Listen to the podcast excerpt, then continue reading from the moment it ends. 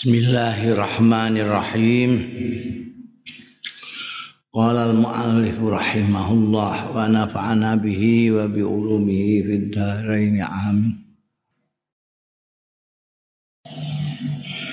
Wa fi riwayati Abdullah bin Musa al-Iskandarani an Muhammad bin Ishaq an Sa'id al-Maqbari an Abi Hurairah radhiyallahu anhu qala ngendika sahabat Abu Hurairah qala Khuraim bin Fatikin. Ngendika sapa Khuraim bin Fatik li Umar matur. Matur sapa Khuraim bin Fatik li Umar bin Khattab marang Sayyidina Umar bin Al-Khattab radhiyallahu an mature ya Amirul Mukminin duh Amirul Mukminin ala ukhbiruka napa mboten kepengin ngabari kula ing panjenengan? Ngaturi pirsa kula ing panjenengan kaifakana batu islami? Atus pundi ana apa batu islami kawitane islam kula? Jenengan mboten pengin kula critani bab awal-awale kula mlebu Islam Kala jawab sapa Sayyidina Umar, "Bala iya." Piye? Kala matur sapa Huraim bin Fatik. Bena ma'ana fi talabi ibilin nalikane ana kula fi talabi ibilin ing dalem madosi unta-unta kula li keduwe ingsun niku unta-unta kula. Id ana minha ala asarin. Id ana dumadaan taing sun minha. Saking ibil ala asarin ing atase labet. Il jannani alai tatkalane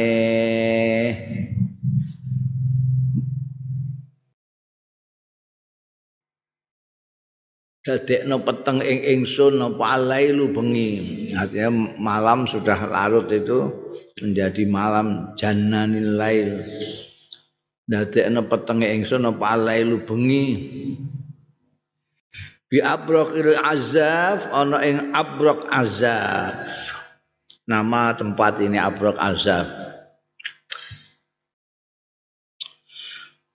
Panada itu mongko undang-undang sapa ingsun bi ala sauti kelawan Abrok Azaf ini daerah yang dianggap singit zaman itu. Panada itu mongko undang-undang sapa ingsun bi ala sauti kelawan sak banter-banteri suaraku. A'udzu bi azizi hadzal wadi. Lalu pangreksa ingsun bi azizi hadzal wadi. Lawan. Sing mbau reksa iki lembah. Min sufahai kaumihi saking kebodohan-kebodohane kaume. Jadi jaluk apa? Perlindungan karo pimpinan sing bau reksa. Pamane nek iku pamane jin ya pimpinane jin. Sing gawe ning godho sing anak buahe cilik-cilikane iki. Dadi kandakno maksude kandakno bose lah. Njaluk tulung perlindungan karo bose saking kelakuane kaume sing kadang-kadang jelek nggodani wong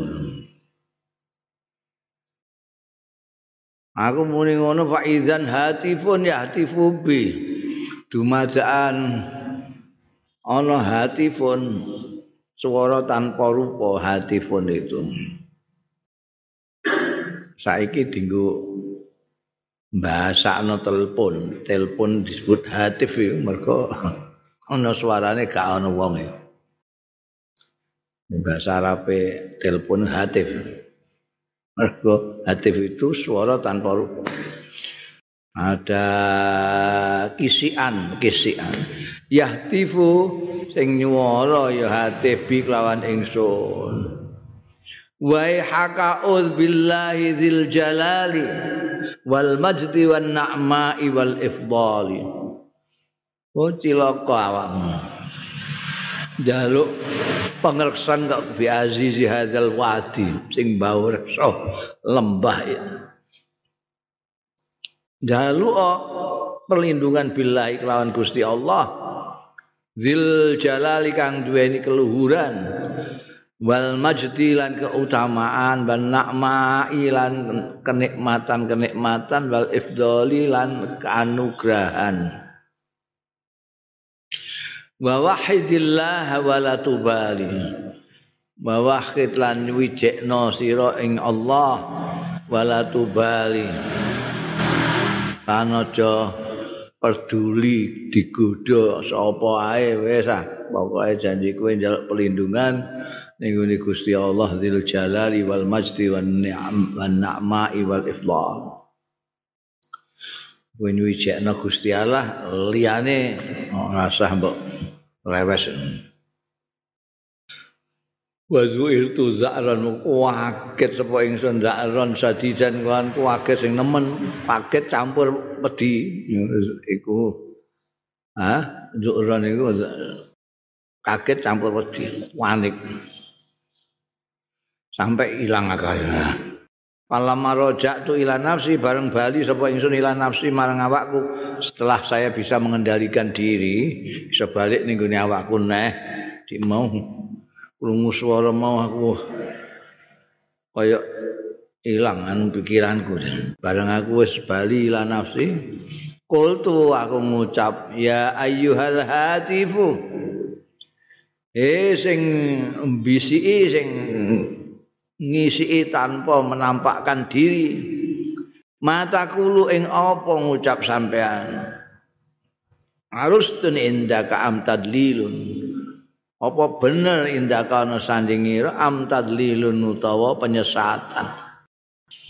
Apa bener? Jaluk perlindungan ke Gusti Allah. Liyane ora perlu direwes. Apa sampean arep nyasarno aku bayin jelasno sampean. Budita mongko untuk pituduh sampean. Atau bayin hudi itu untuk pituduh sapa yang jelasno budi itu untuk pituduh sapa ingsun? Maiku apa? Al khawilu utawi sing jamin nek aku njaluk perlindungan terus iku mau sing mbok sebut Allah Dzul Jalal iku iso jamin aku. Ora digodho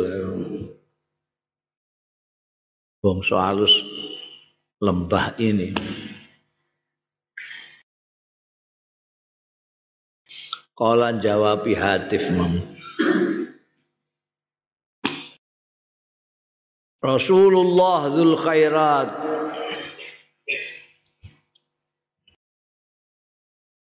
sing iki gak aku gak muni dhewe iki ana sing jamin al hawil itu Rasulullah utusane Gusti Allah. Zul khairati kang duweni kebagusan-kebagusan. Anggonane biasriba ana ing Yasrib. Yasrib itu sebelum diubah Kanjeng Nabi dengan nama Madinah. Namanya Yasrib Yat ngajak ya Rasulullah ilan najati marang keselamatan.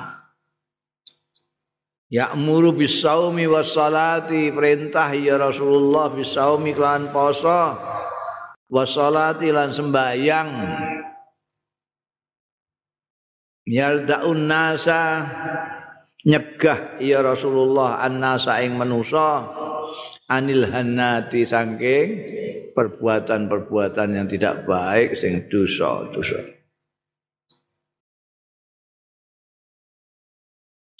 Wa fi riwayatin lan iku disebut iki kan sanek riwayat sing pertama iku terus ana riwayat yang Abdullah bin Musa Saiki wa fi riwayatin lan iku disebut ana ing riwayat liya fa'ad ba'ani mongko ngetutno hati mau ing ingsun wa huwa eh medeni wong kana rupane ngetutno nyuwur wa huwa yaqulu wa huwa tahatif iku ngucap sahibakallah muga-muga ngancani ing sira sapa Allah. Wa sallama lan nyelametake Allah nafsaka ing awak ira wa ballagha lan nyampeake sapa Allah al ahla ing keluarga. Wa adalan nekaake Allah rihlaka ing untaira.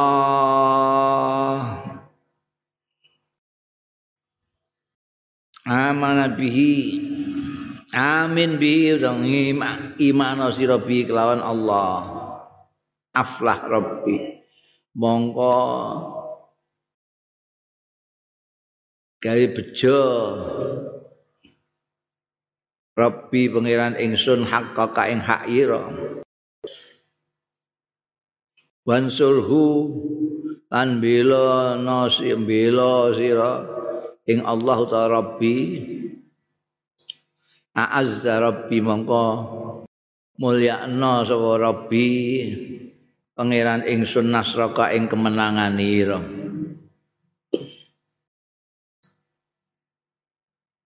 Padahal Madinah menurut riwayat iki Padahal tu mongko mlebu sapa ingsun al Madinah ta ing Madinah Wadzalika yaumul Jum'ah.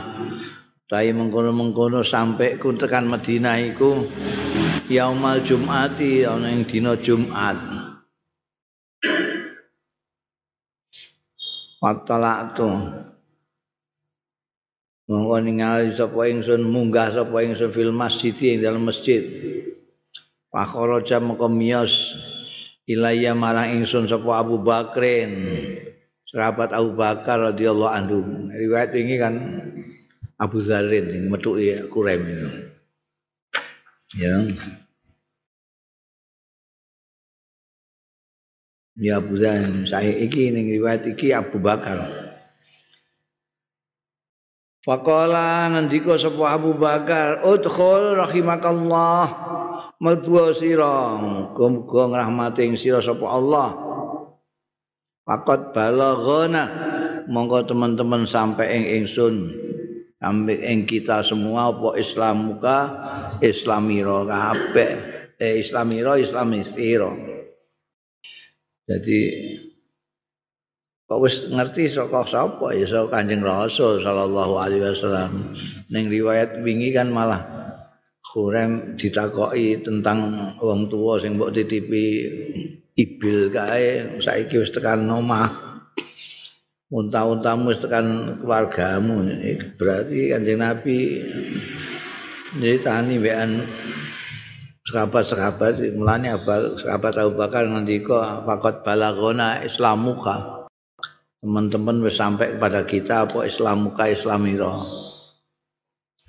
Nah ora ya dikandani Malik bin Malik itu eh jin jadi apa dai ini kan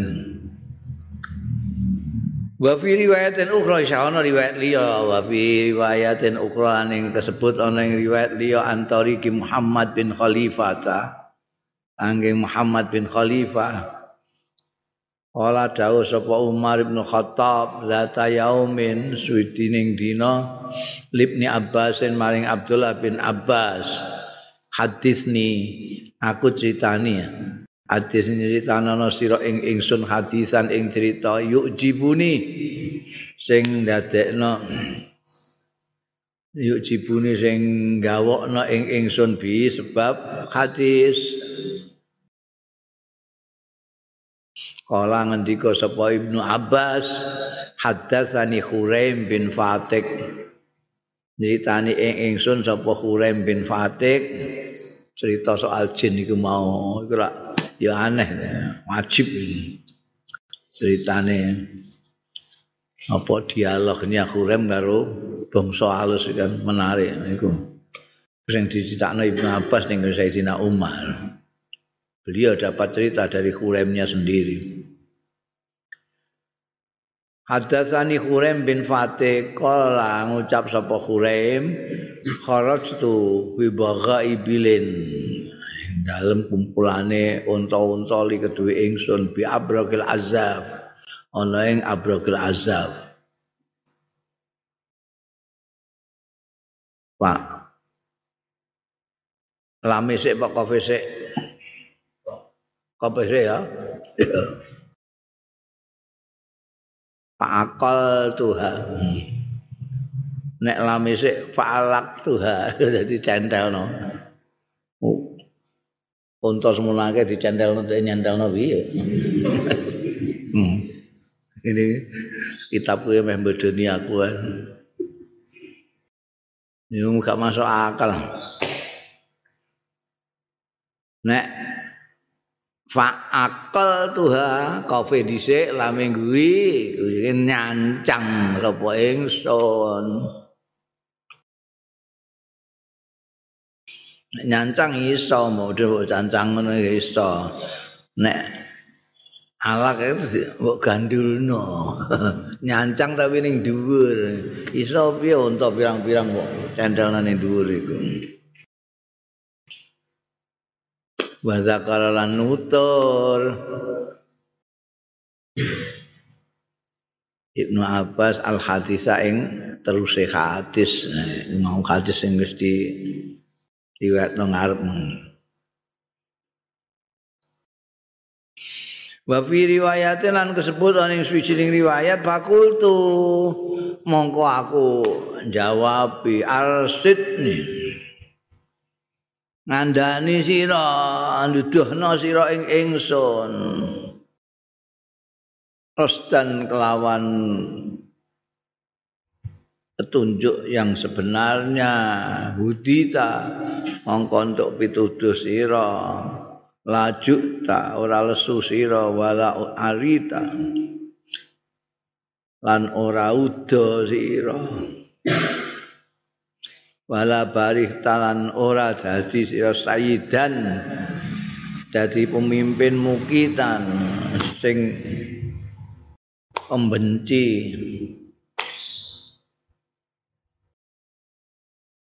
la tadas apa? Wong eh la tak dal Ta'ala nata tasalna halal khair. Alazi utita ora iku lho mudasir barang kula ora terselimuti sira tidak terselimut terselubungi. Alal khairi ing atase kebagusan alazi utita kang diparingi sira.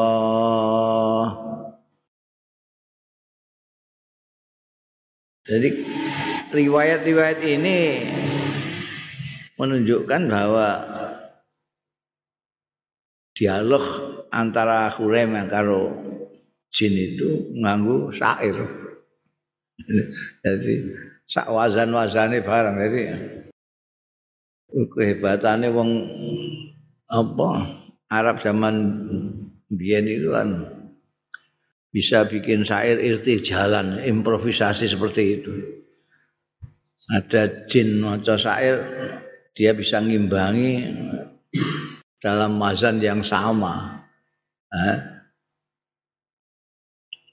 Sama dengan sing dijawab itu. Mana disebutkan oleh Ibnu Abbas ini cerita menarik seperti yang diinginkan oleh sahabat Umar bin Khattab. Bunda tokoh Hurem sudah sekarang Babudal. Babdal. Zikru Dihyah. Dihyah itu jenenge wong lanang. Bin Khalifah, Khalifah juga lanang. Najan ana tak marbutae kabeh iki. Zikru Dihyah ibni Khalifatul Kal Al-Kalbi radhiyallahu anhu. Karena Jibril ana sapa malaikat Jibril alaihissalam iku ahyanan kadang-kadang yakti rawuh sapa malaikat Jibril Nabi ing Kanjeng Nabi sallallahu alaihi wasallam fi suratihi ing dalem bentuke malaikat Jibril. Kaya zaman pertama kali nemoni Kanjeng Nabi niku ne Jabal Nur itu Kanjeng Nabi ngatek mbluwayu karena malaikat Jibril muncul dalam bentuk aslinya. Yang banyak kan mindo-mindo kaya wong lanang. Kala dihyatu ngendika sapa dihya Ba'asa ma'i. Ngirim ma'i satane ingsun sapa nabi Kanjeng Nabi sallallahu alaihi wasallam bi kitabin kelawan surat ila kaisar marang kaisar.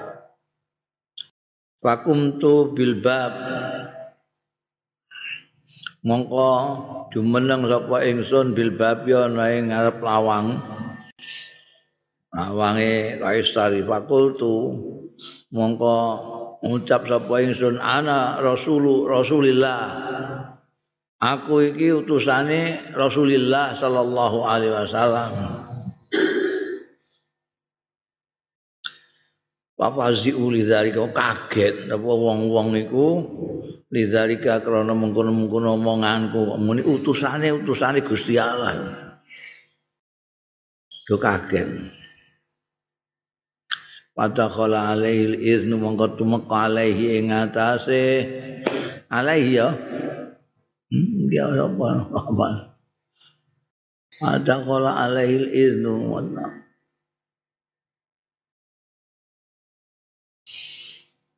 Ah, Akum tu bil bab fakul tu ana rasul rasulillah papa li dzalika Fatuhila alaihil iznu ngono ae. Fatuhila wong padha naskah mbek naskahmu. Monggo dilebokno alaihi ing atase kaisar apa al iznu izin.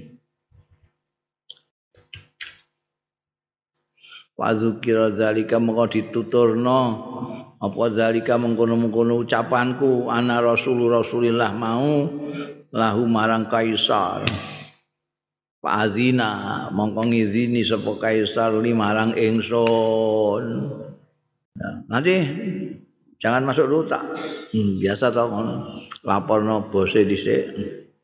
Sing tunggu lawang iku.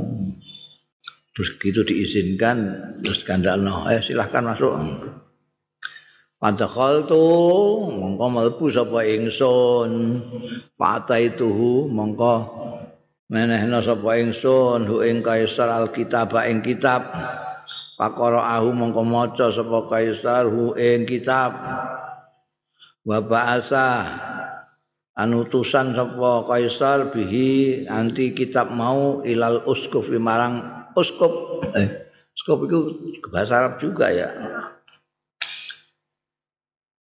Uskup itu ono apa jenenge satu pangkat dari pimpinan-pimpinan Nasrani. Ono patrik ono uskup ono kardinal ono paus. Dhuwur dhewe. Fajaa mongko teka sapa uskup faqala mongko. Ngucap sapa uskup huwa wallahi basyara nabi Musa. Wa utai iki wallahi. Iki sing utus wong iki wa iku sing utus wong iki berarti Rasulullah. Wallahi demi Allah basyara nabi basyara nabi Musa sing wis ngeki kabar gembira ing kita bi kelawan huwa iki. Sapa Musa wa Isa? Iki surat sak barang delok surate oh iki sing kirim surat iki. Iki sing basara Nabi Musa sing kirim surat Kanjeng Rasul sallallahu alaihi wasallam. Jadi huwa iki rujuke ning ngene pengirim surat alias Kanjeng Rasul sallallahu alaihi wasallam. Uskupe muni wallahi demi Allah. Iki wa basyara nabihi sing memberi kabar gembira ing kita bi kanthi iki sing penulis surat iki sapa Musa Nabi Musa di perjanjian lama wa Isa lan Isa perjanjian baru. Nah, ini Nasrani ana perjanjian lama, perjanjian baru. Maksudnya Taurat mbek Injil. Kala kaisar fama tak muruni. Kaisarnya terus akan pama tak muruni ing apa tak muruni nyaranno sira ing iso buka merintah wong kaisar kok perintah. Kaisar itu julukan pimpinan tertinggi Rom ya. Nek julukane pemimpin tertinggi sing sebelah timur Parsi itu Kisra. Dia orang julukan ini nah, ning Romawi itu semua yang mimpin itu gimana? Kaisar. Nanti yang pemerintahan-pemerintahan yang Nasrani seperti Ethiopia juga itu juga menggunakan istilah kaisar juga. Nek sing Parsi itu Kisra. Mesir itu Firaun. Nek Jogja Hamengkubuwana. Itu jenenge dhewe Kaisare takok ambekan uskup niki, uskup iki penasehatan lah. Negara iku nalika iku negara jadi satu dengan apa agama belum dipisahkan, belum sekuler isih. Jadi njaluk saran. Fama tak mulan. Ing apa? Tak muluni nyaranno sira ing ingsun. Kala al-askuf ngucap sapa uskup.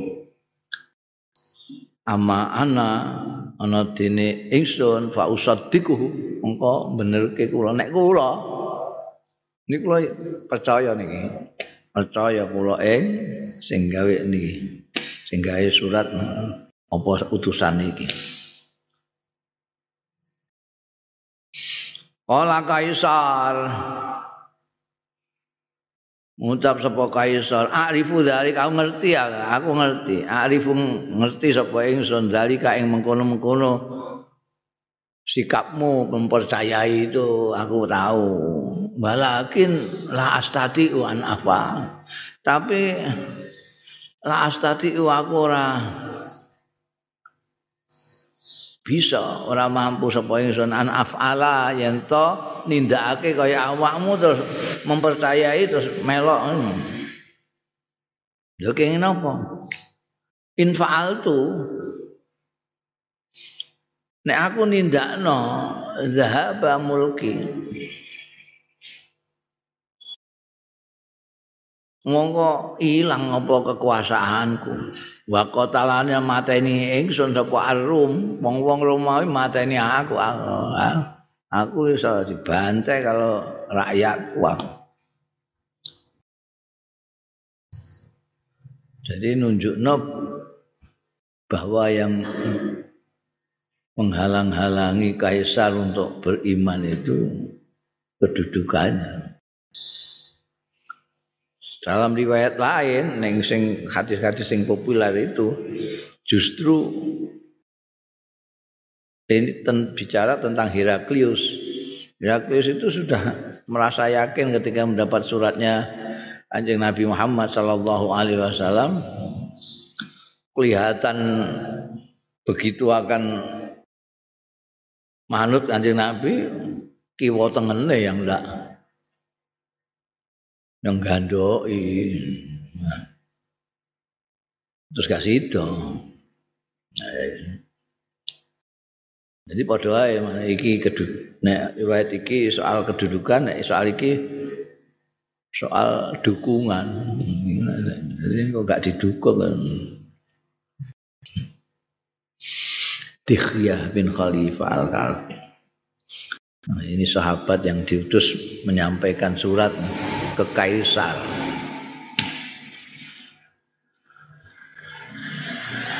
Babudzal. Babudzal.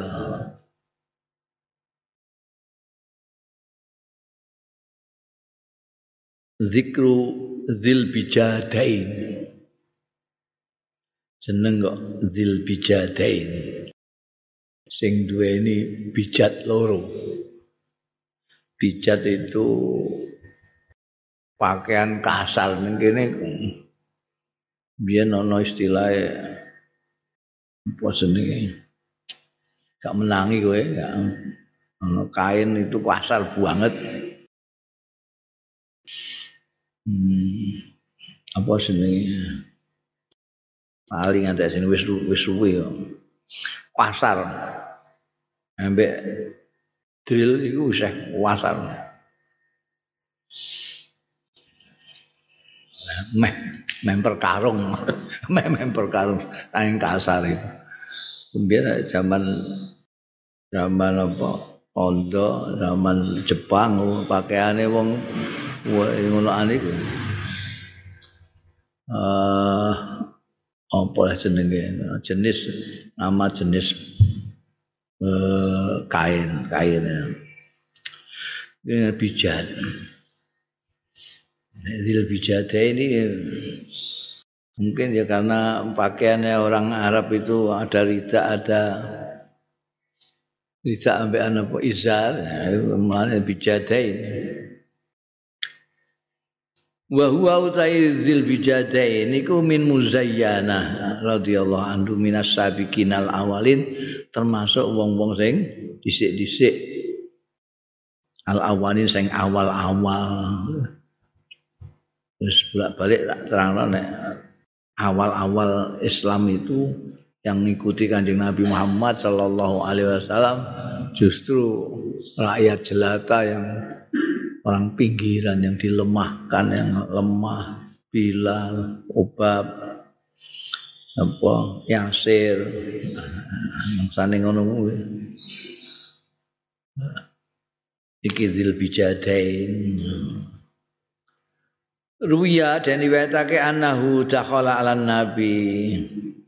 Annahu setuhune dzil bijadain iku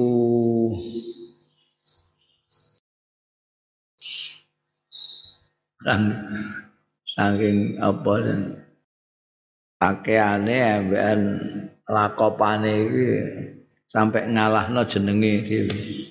Enggak disebutno, iki disebutno jenenge ya ora disebut ning gone zal kene.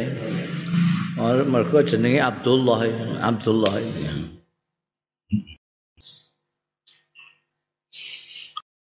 Jenenge Abdullah tapi terkenal ambek lakope Dzil Bijadain. Ruya diriwayatake ana ustune Dzil Bijadain iku dakhala melbu ala nabi sowan ala nabi sallallahu alaihi wasallam. Faqala mengko dawuh sapa Kanjeng Nabi sallallahu alaihi wasallam lahu marang dzil bijadain Mas muka iku sapa ismuka te jenenge ira Qala Abdul Uzza Jadi ngenti Abdullah Kanjeng Nabi jenenge Abdul Uzza mergo pangerane wong kufar Mekah kan Uzza Lata Uzza bareng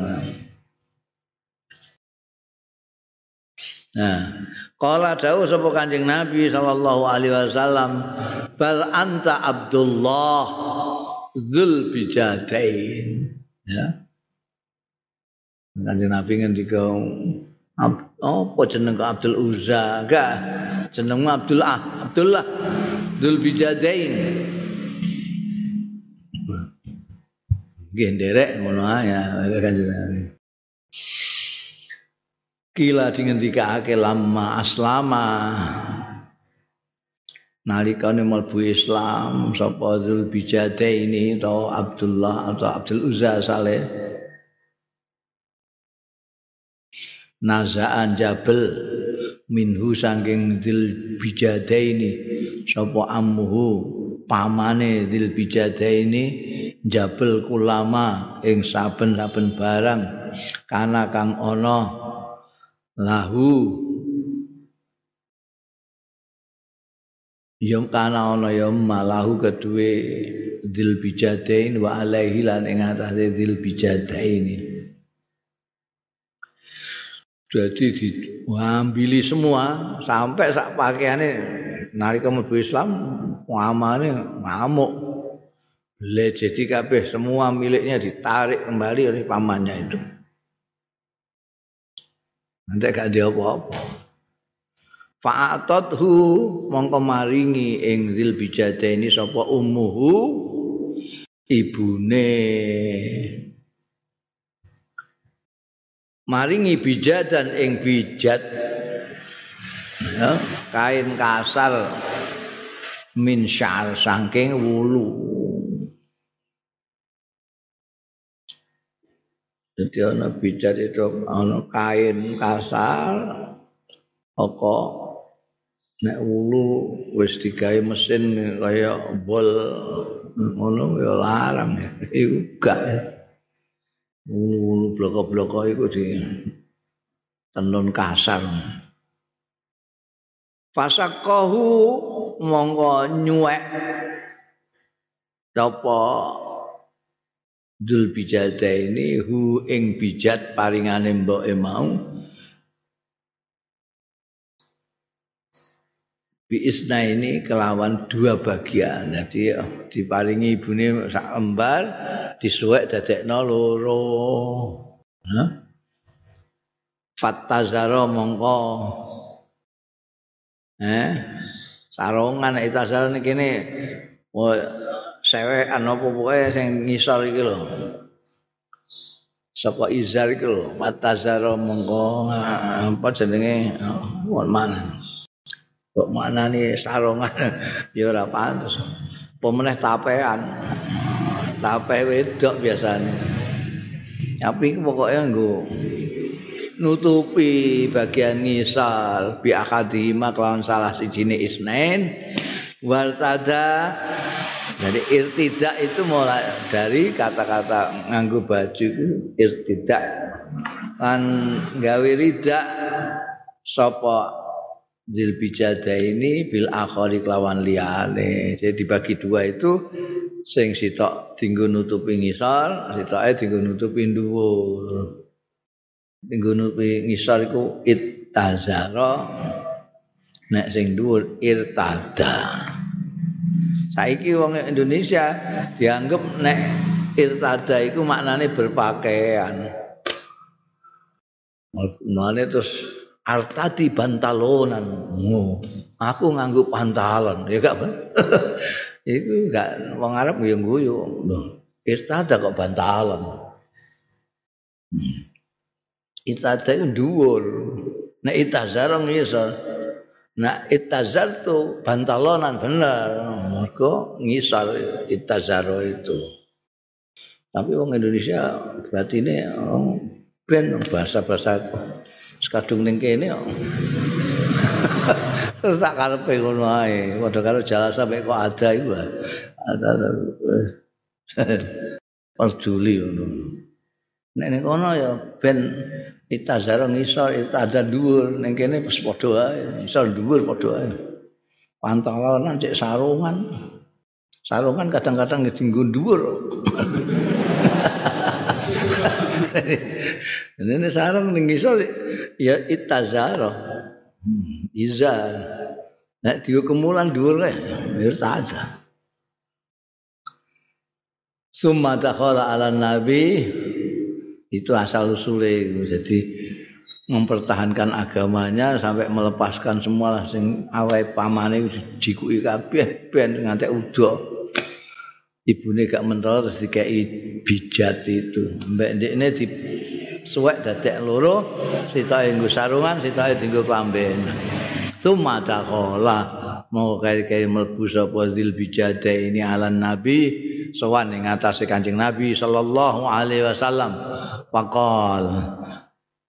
Engko dawuh sapa Kanjeng Rasul sallallahu alaihi wasallam, "Anta Abdullah." Mutahe sira iku Abdullah Dzul Bijadaini. Mata kapundhut sapa Dzul Bijadain fi ghazwati Tabuk. Manggone yo Udah karo Abu Hurairah barang iki kita masuk ahli sufah. fi ghazwati tabuk ana ing perang tabuk yang payah itu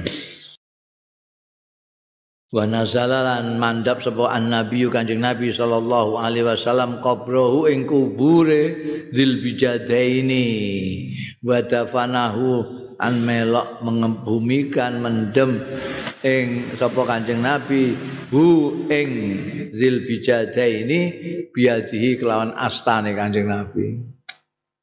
Kanjeng nabi dhewe. Ha yang nguburno Zilbijadain menunjukkan kedudukannya. Kedudukannya Zilbijadain sampai kanjeng Nabi piyambak sing mudun untuk mengebumikannya. Babul Ra Babul Ra. Zikru Rabi'at bin Ka'ab al-Aslami iki ya eh Rabi'ah iku lanang. Rabi'ah Rabi'ah bin Ka'ab al-Aslam. Nek Rabi'ah iku wedok. Rabi'ah al-Adawiyah itu. Wedok. Nek Rabi'ah iku lanang. Wong Jawa ora peduli Rabi'ah nek Rabi'ah Rabi'ah. Wes ngertine Rabi'ah menawa wedok Rabi'ah bin Ka'ab al-Aslami ruwiya anhu annahu diriwayatake anhu saking Rabi'ah bin Ka'ab annahu stune Rabi'ah. Kala ngendika sapa Rabi'ah kuntu abi itu ala babi Rasulillah. Aku iku ana sapa ingsun iku nginepku iku turuku iku ala babi Rasulillah ana ing ngarepe lawange Kanjeng Rasul sallallahu alaihi wasallam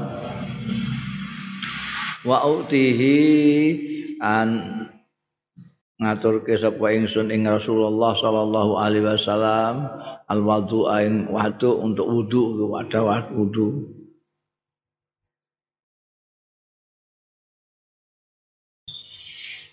Fa asma'uhu mongko krungu sapa ingsun ing Kanjeng Rasul sallallahu alaihi wasallam al huwiya ing dalem suwijining bengi minal laili saking bengi. Oh iya itu eh, suasana malamnya. Kalau minal laili itu nama lawannya siang. Oh iya itu suasana malamnya yang gelap itu. Lail itu namanya lawannya siang. Jadi mulane wal huwiya minal lail aku krungu yaqulu mendika Kanjeng Rasul sallallahu alaihi wasallam subhanallah subhana rabbi subhanallah subhana rabbi. Ini juga Rabi'ah bin Ka'ab ini termasuk ahli sufah yang tunan wisma nggak punya ini ini terus banyak di antara tapi ini yang Rabi'ah ini tidurnya di depannya dalam kancing Nabi. Dalam kancing Nabi itu kan mepet masjid, masjid. Jadi masjid bagian lawang. Ini kapan-kapan kancing Nabi itu wungu, ya siap-siap menyediakan untuk wudhunya kanjeng Rasul Sallallahu Alaihi Wasallam itu penggaweannya Rabi'ah bin Kaab bin Aslami.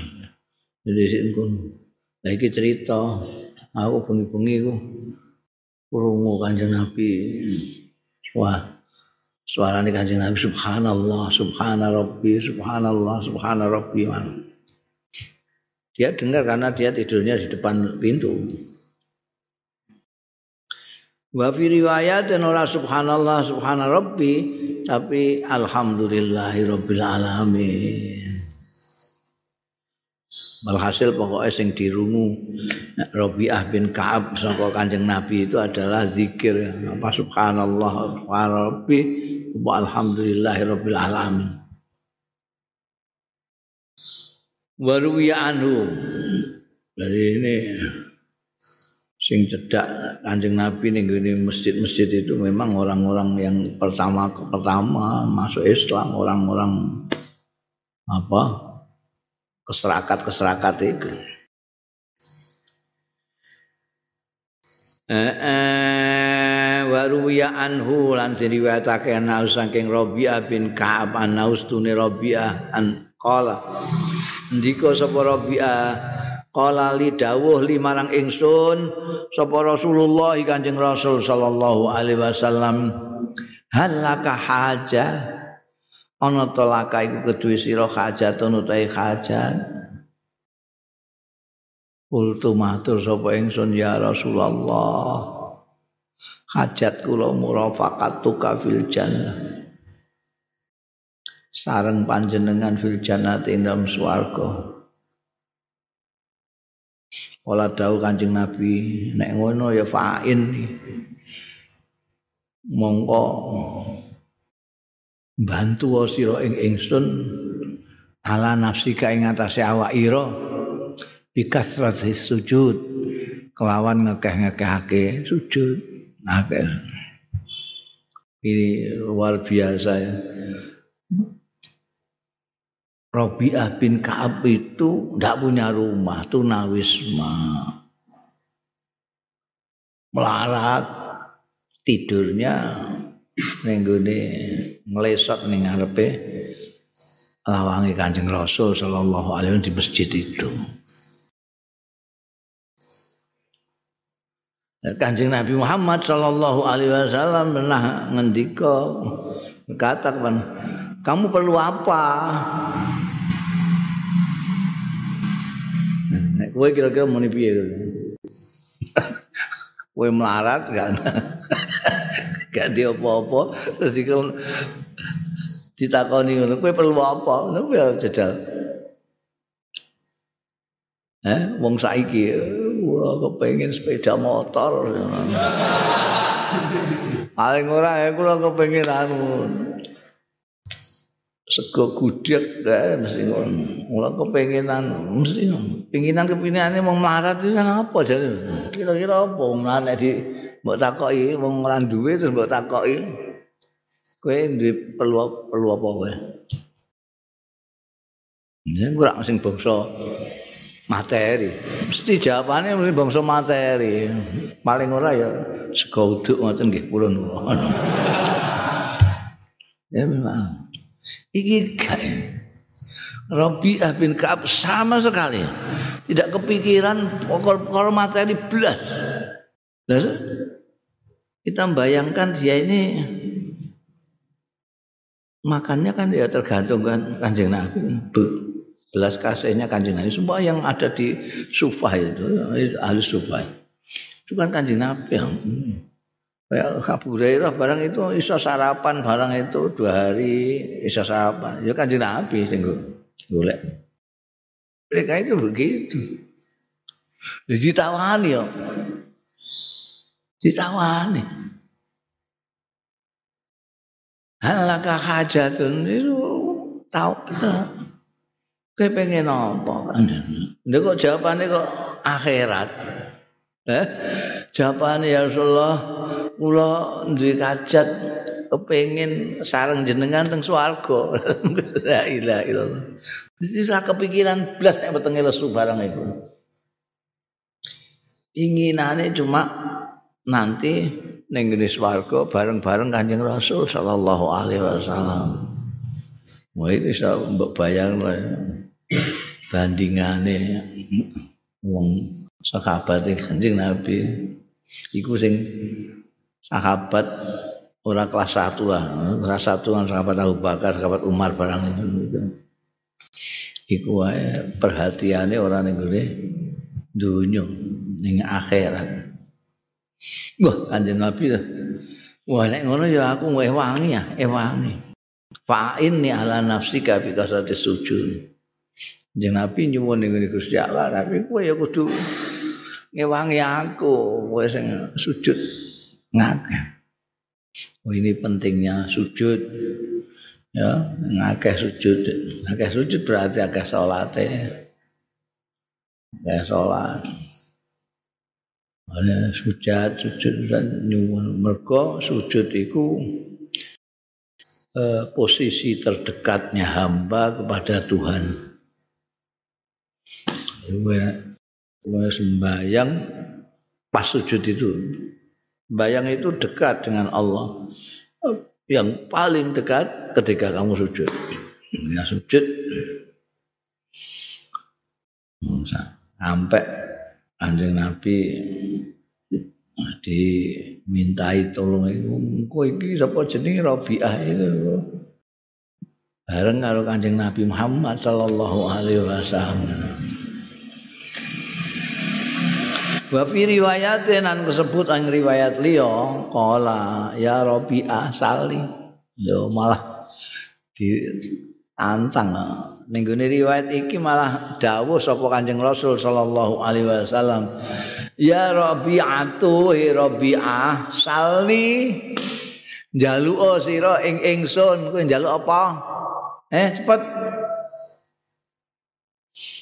Kanjeng Nabi mbuh akeh duwe eh kadang kanjeng nabi kan kadang-kadang gak duwe apa-apa. Mergo kanjeng nabi itu anunya rezekinya itu tek plung hari ini sugih banget sesuk melarat banget iso. Mergo semua kalau ada dibagi kan. Tapi gak pernah nyimpen sesuatu semuanya dibagi. Sampai tahun sal nih eh? Eh jaluk oh neng Fakultu kultu iki Rabi'ah. Aku didangu ngono ya Rabi'ah sali ae njaluk ning aku. Fakultu mongko matur sapa ingsun anzirni ngentosi sekedap anzirni kula aturi ngentosi panjenengan ing kula kata anzura sehingga mikir-mikir kula. Kula tak mempertimbangkan enake napa niki soto napa dang goreng napa. Fata zakartu mengkot eling sapa ingsun anad dunya fania. Anad dunya setunin dunya iku faniatun fana. Wis wis mesti rusak. Kowe apa ae lah. Janji sing jenenge dunya mesti fania. Sego ya fania, pitik ya fania, manusa ya fania, sugih fania, omah fania, gedung fania, kedudukan fania. Jabatan fania gak ono sing ono sing menangi fanake ono sing ora eh ono sing lagi dilantik bariku terus mati ya ono Iki aku mikir-mikir, aku matur karo Kanjeng Nabi nalika ditawani eh njaluk njaluk aku njaluk apa? Ayo, njaluk apa kowe? Akhirin Kanjeng Nabi kok pikire riyen. Terus aku kelingan, dunia ini fani ya, mungkotia, terputus. Aku tuh mongko terus matur sapa ingsun. Bareng aku kelingan ngono iku terus aku matur ya Rasulullah duh Kanjeng Rasul. Nah jenengan dangu kula njaluk napa? Kula njaluk Allah mungkin dongakno panjenengan Allah ing Gusti Allah. Ayun jiani kepada ing ayun jiani yen to nyelametake sapa Allah ing kula minan nari saking neraka. Wa yudkhilani an pados mlebetaken Allah ing kula al jannata ing swarga. Aku matur ngono kuwi fasakata kendel kanjeng Nabi. Masa aku njaluk dhuwit ngono. Pasa kata mau kendel apa kanjeng Nabi Sallallahu Alaihi Wasallam baru summa. Summa itu ada lebih jauh dari fa. Nek pakola itu rada sedelok nek summa. Mane maknane ini mongko keri-keri ini rada rono. Kendel beberapa saat summa kala mongko keri-keri dawuh ya Kanjeng Rasul sallallahu alaihi wasallam.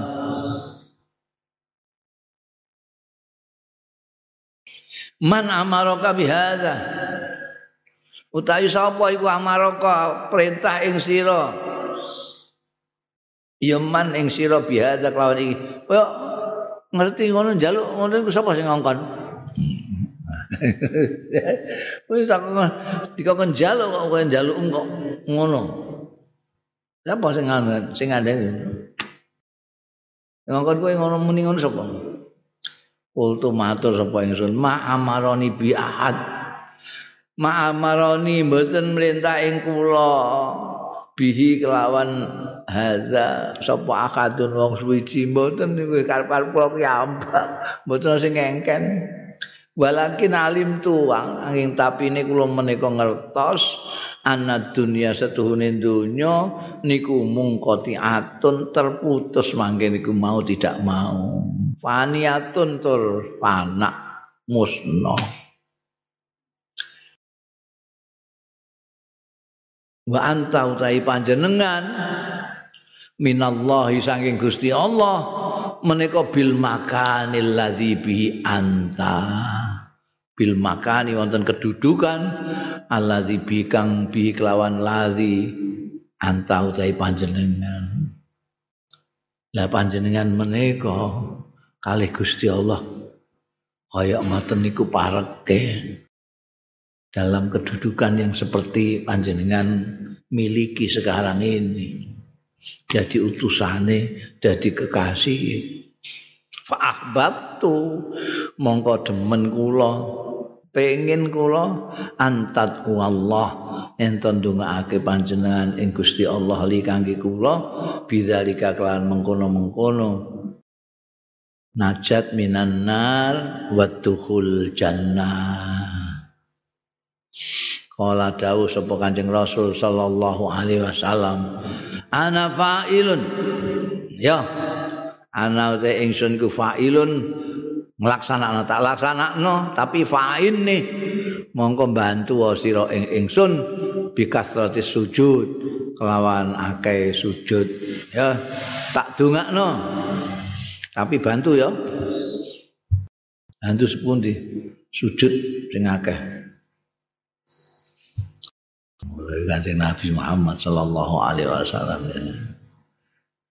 dan tawadu itu tawadu jadi kan di Nabi nyuwun dewi kan Gusti Allah yang kekasih ya.